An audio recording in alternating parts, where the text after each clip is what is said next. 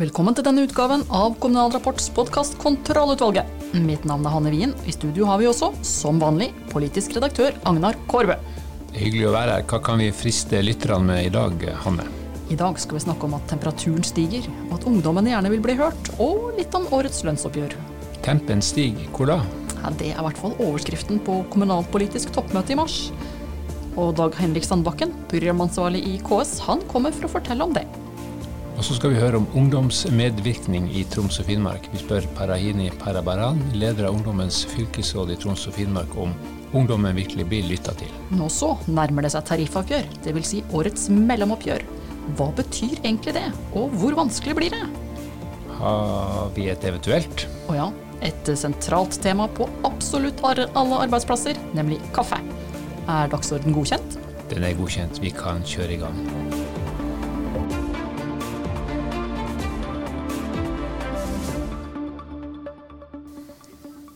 I Troms og Finnmark har ungdommene gjennom ungdomsrådene utarbeida fem punkter som skal gjøre at de blir bedre hørt i lokalpolitikken. Det er et spennende initiativ, og de fem punktene som er lansert er altså, følg godt med, opplæring av ungdomsrådskoordinator, invitere inn ungdomsrådene, gi forståelig informasjon til ungdomsrådene, behandle ungdomsrådene likt andre råd og utvalg i kommunen, og til slutt, ungdomsrådene bør ha møte og talerett i kommunestyret.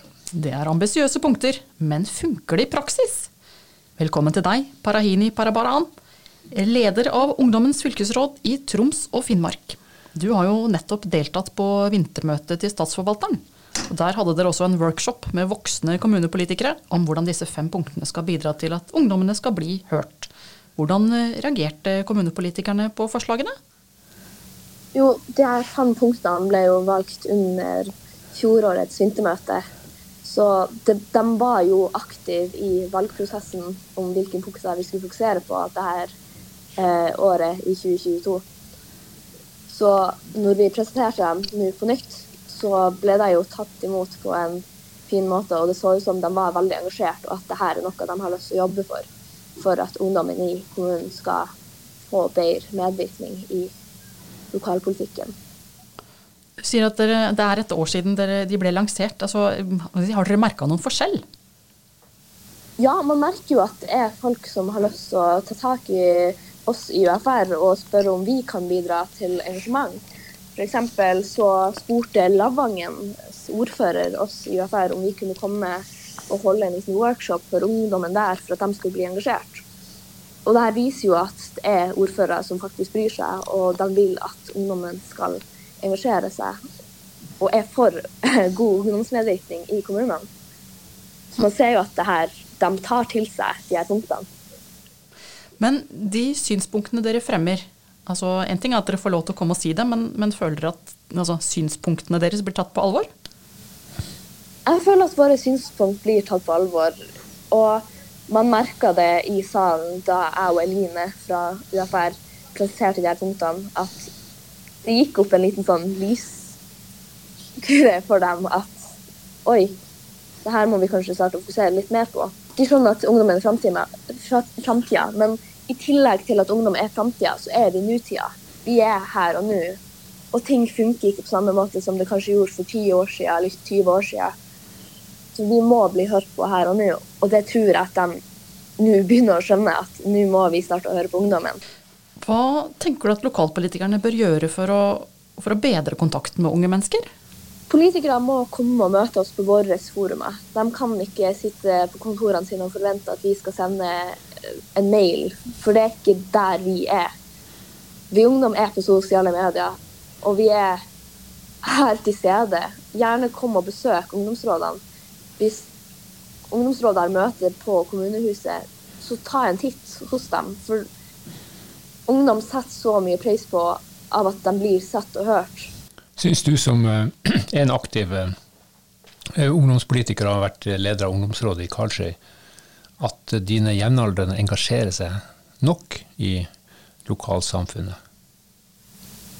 Det er jo en litt sånn både òg. Jeg var jo veldig skeptisk til da jeg gikk ut av rådet om eh, ungdomspolitikken kom til å vedvare men jeg ser jo nå at ungdomsrådet i Karlsøy fortsetter engasjementet. Og de er godt i gang med å besøke forskjellige arrangementer. De var senest nå i helga på Barents eh, Regional eh, samling i Rovaniemi.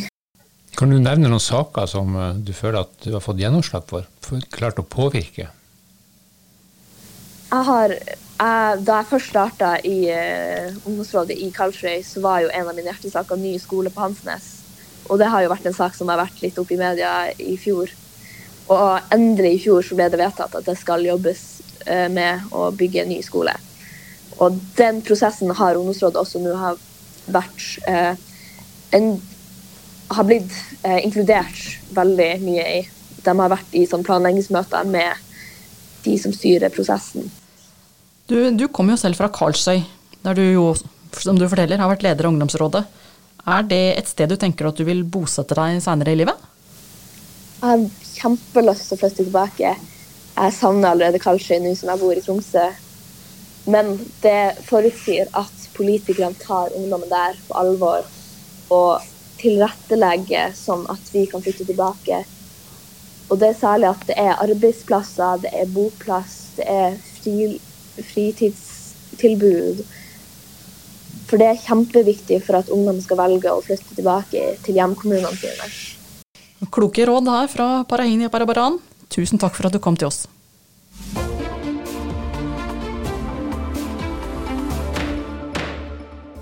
Om to uker, altså 14. og 15. mars, er det duka for kommunalpolitisk toppmøte der kommunale ledere av alle støpninger møtes for å diskutere de store spørsmålene. Tirsdag 14. møtes kommunedirektørene, og så, dagen etter, er det lokalpolitikernes tur. Overskriften i år er 'Temperaturen stiger'. Hva slags temperatur er det snakk om? På den politiske debatten i valgåret? Gjennomsnittstemperaturen i verden? En som kan svare på det, er Dag Henrik Sandbakken, fagsjef i KS og programansvarlig for toppmøtet Velkommen hit, Sandbakken. Takk skal du ha. Hva betyr den overskriften? Den betyr eh, alt det du sa, egentlig. Eh, vi vet at eh, eh mye strammer seg til for eh, de som er politikere og administrative ledere i kommunesektoren. Altså økonomien blir trangere. Eh, det kan føre til at temperaturen stiger. vi skal se på klima- og naturutfordringen og da med energi som, et, eh, som en inngang. Eh, og vi vet at eh, det fører til at temperaturen stiger. Så vet vi at vi har noen store utfordringer foran oss. Vi vet at andelen eldre mennesker i landet vil øke. Det kommer til å kreve strammere prioriteringer, og det kan òg føre til at temperaturen stiger. Så både, på, både rent fysisk og på et litt mer overordna nivå, altså. Ja, det er riktig. Du, eh, hvor viktig er disse toppmøtene? Eh, vi gjennomfører jo medlemsundersøkelse annethvert år. og Der får vi tilbakemeldinger fra medlemmene at eh, de er viktige. Og derfor så ønsker vi å gjennomføre det.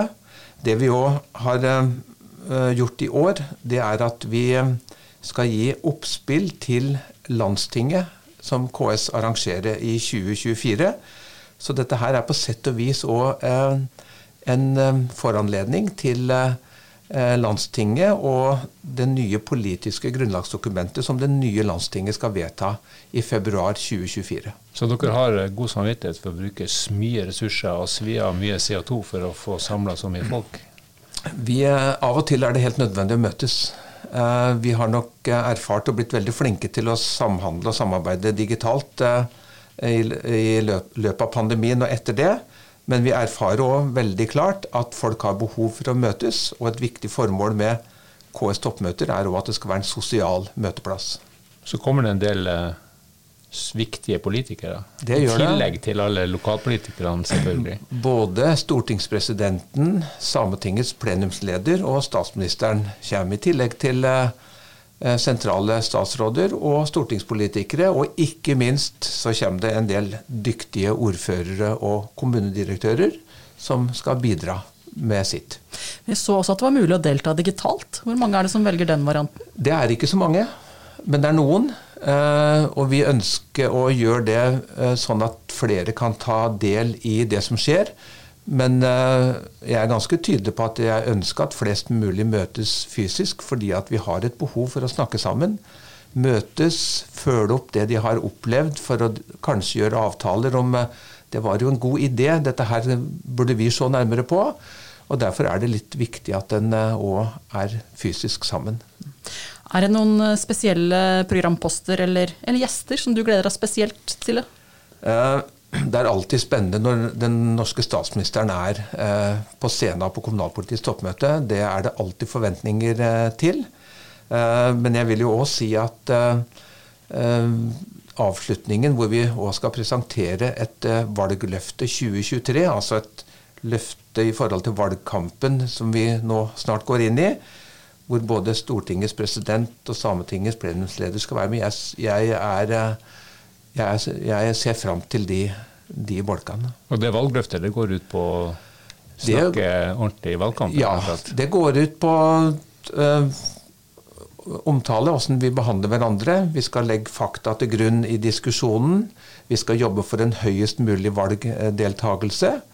Og ikke, sist, men ikke minst, så skal vi jo uh, fokusere på det her med den mer fordekte påvirkningen som skjer, uh, særlig på sosiale medier altså fordekt eh, demokratipåvirkning, hvor det, det, kanskje fremmes udokumenterte påstander. Eh, det kan være påstander mot eh, navngitte personer, som vi ser på sosiale medier, eh, som eh, kan få betydning for en valgkamp. Altså ikke redelige midler, vil jeg si. Og det er et forhold som vi har sett i en del land.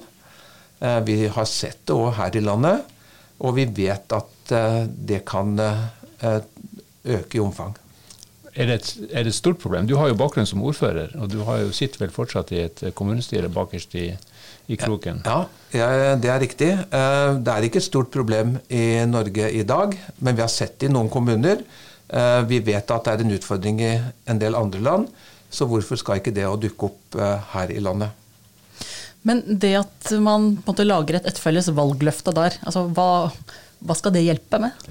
Eh, det vi vil oppfordre til, er at eh, alle skal forholde seg til eh, det vi skriver i valgløftet når de går inn i valgkampen.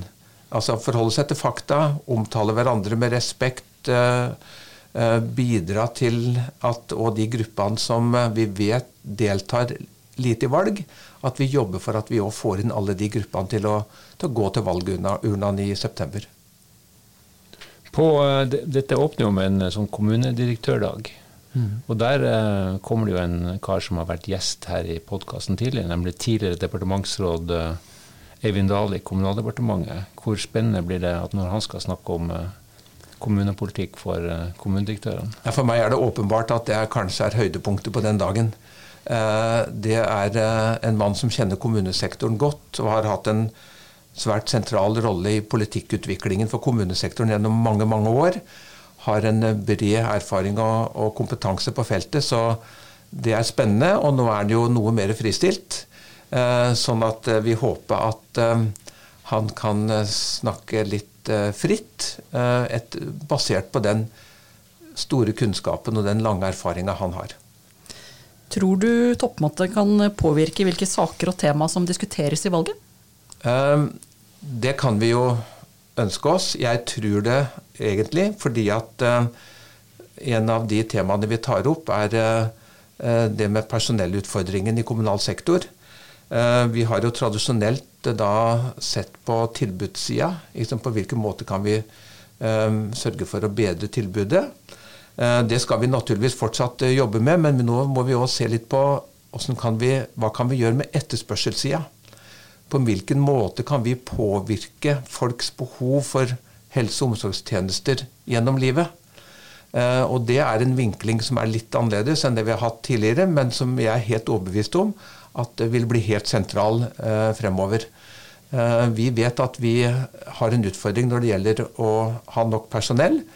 Vi må se på på hvilken måte vi som innbyggere òg kan bidra positivt, men òg på hvilken måte vi kan jobbe for å få gjort så gode tjenester som mulig med, med det personellet som er tilgjengelig framover. Ja, det du sier der, det er at vi skal rett og slett skru ned forventningene litt? Vi skal diskutere forventningene. Eh, vi er, det vi har vært vant til i Norge gjennom lang tid, er at når vi har møtt en utfordring, så har vi putta på penger og løst det. Det er ingen som tror at det vil bli mulig framover, og derfor må vi tenke litt annerledes nå. Hvor lett blir dette i et valgår? Nei, Det er klart at det er ikke lett. Og det er derfor temperaturen kanskje vil stige litt. Fordi at vi ser at dette er vanskelig. Da sier vi tusen takk til deg, Dag Henrik Sandbakken, fagsjef i KS.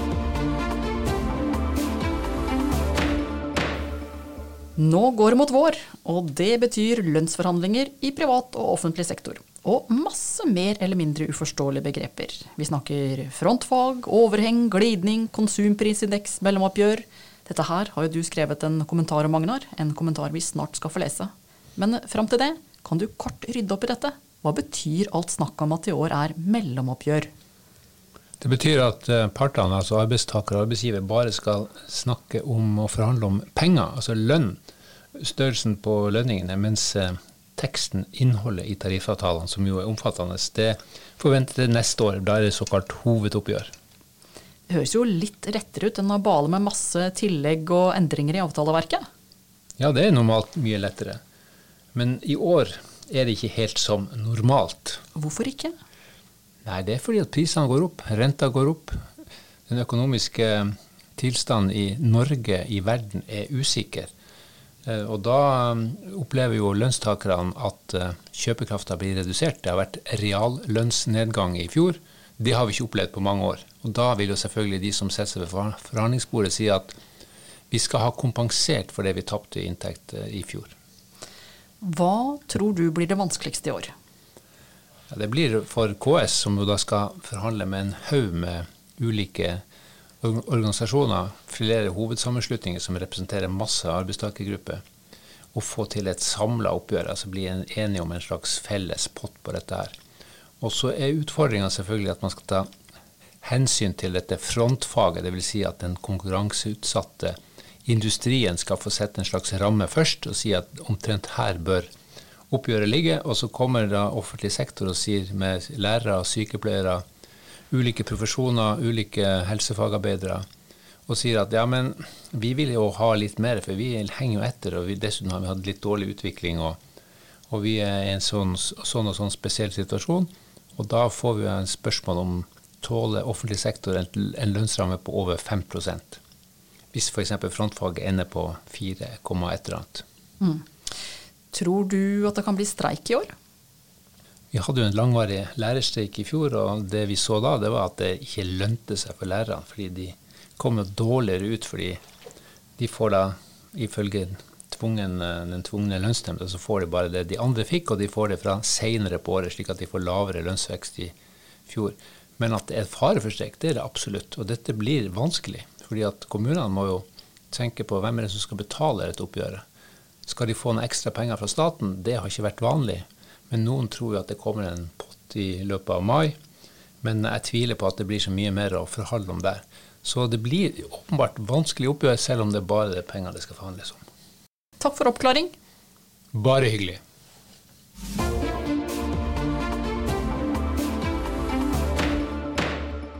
Da har vi kommet til eventuelt, og vi skal snakke om det sorte gullet som får offentlige kontorer og for så vidt redaksjoner til å fungere. Og det er kaffe. Uten kaffe blir det ikke noen kommunale tjenester. Så uh, vi må gå litt inn i hvordan kommunene håndterer dette innenfor rammen av det lokale selvstyret. Vi kom over en sak i avisa Glåmdalen, og de har sett på praksisen med kaffe, hvem som får kaffe på hvilke betingelser i de ulike kommunene. Hanne, du har eh, jobba lenge med dette her for å få oversikt? Absolutt. Jeg har til og med jeg har rukket å lese hele Glåmdalen-saken. De har nemlig sett det at uh, i Kongsvinger der er det gratis kaffe til alle, enten du er ansatt eller innbygger. Men i de øvrige kommunene derimot, Sør-Odal, der må ansatte betale. Nord-Odal, ja, der er det kaffetrakter. Der uh, ja, hver avdeling kan, og ansatte kan, kan, trakte sin egen kaffe, men de må jo altså bidra der òg. Eidskog, der må de ansatte punge ut, mens gjester de får kaffe på kommunens regning. Også i Åsnes må eh, de ansatte betale, der er det 100 kroner i trekk. Men, og så er det litt interessante poenget her, for i Sør-Odal, der de ansatte jo som nevnt må betale, der er det sånn at alle for alle andre de blir nemlig møtt med en plakat hvis vi har lyst på kaffe. Hvor det står at uh, skal du ha kaffe, så må du vippse 19 kroner til et nummer. Men nå skal det sies at de har et trumfkort. da. Du uh, kan nemlig parkere gratis på, ut, utsida. Så spørsmålet er, hvis du er gjest, hvor vil du helst dra? Der det er gratis å parkere, eller der det er gratis kaffe? Ja, Det kommer jo an på hvilken kommune du bor i. Det vil jo være det første. Hvis du bare er på jakt etter kaffe, så dra til Kongsvinger. Hvis du er på jakt etter gratis parkeringsplass eh, og syns 19 kroner for en kopp kaffe er greit, og ikke har noe spesielt ærend på rådhuset, men syns det er artig å sjekke rådhuset, det er jo noen som har den hobbyen, så er det mulig. Men det det ikke står noe om i denne saken, her, det er nemlig Hvem tar seg av rengjøringa av kaffemaskina? Det er et veldig veldig vanskelig tema. Vi uh, vurderer å sette av eget, en egen spesialutgave av kontorutvalget til akkurat dette, for det må det være orden på. Ellers så går det virkelig, kan det gå virkelig galt.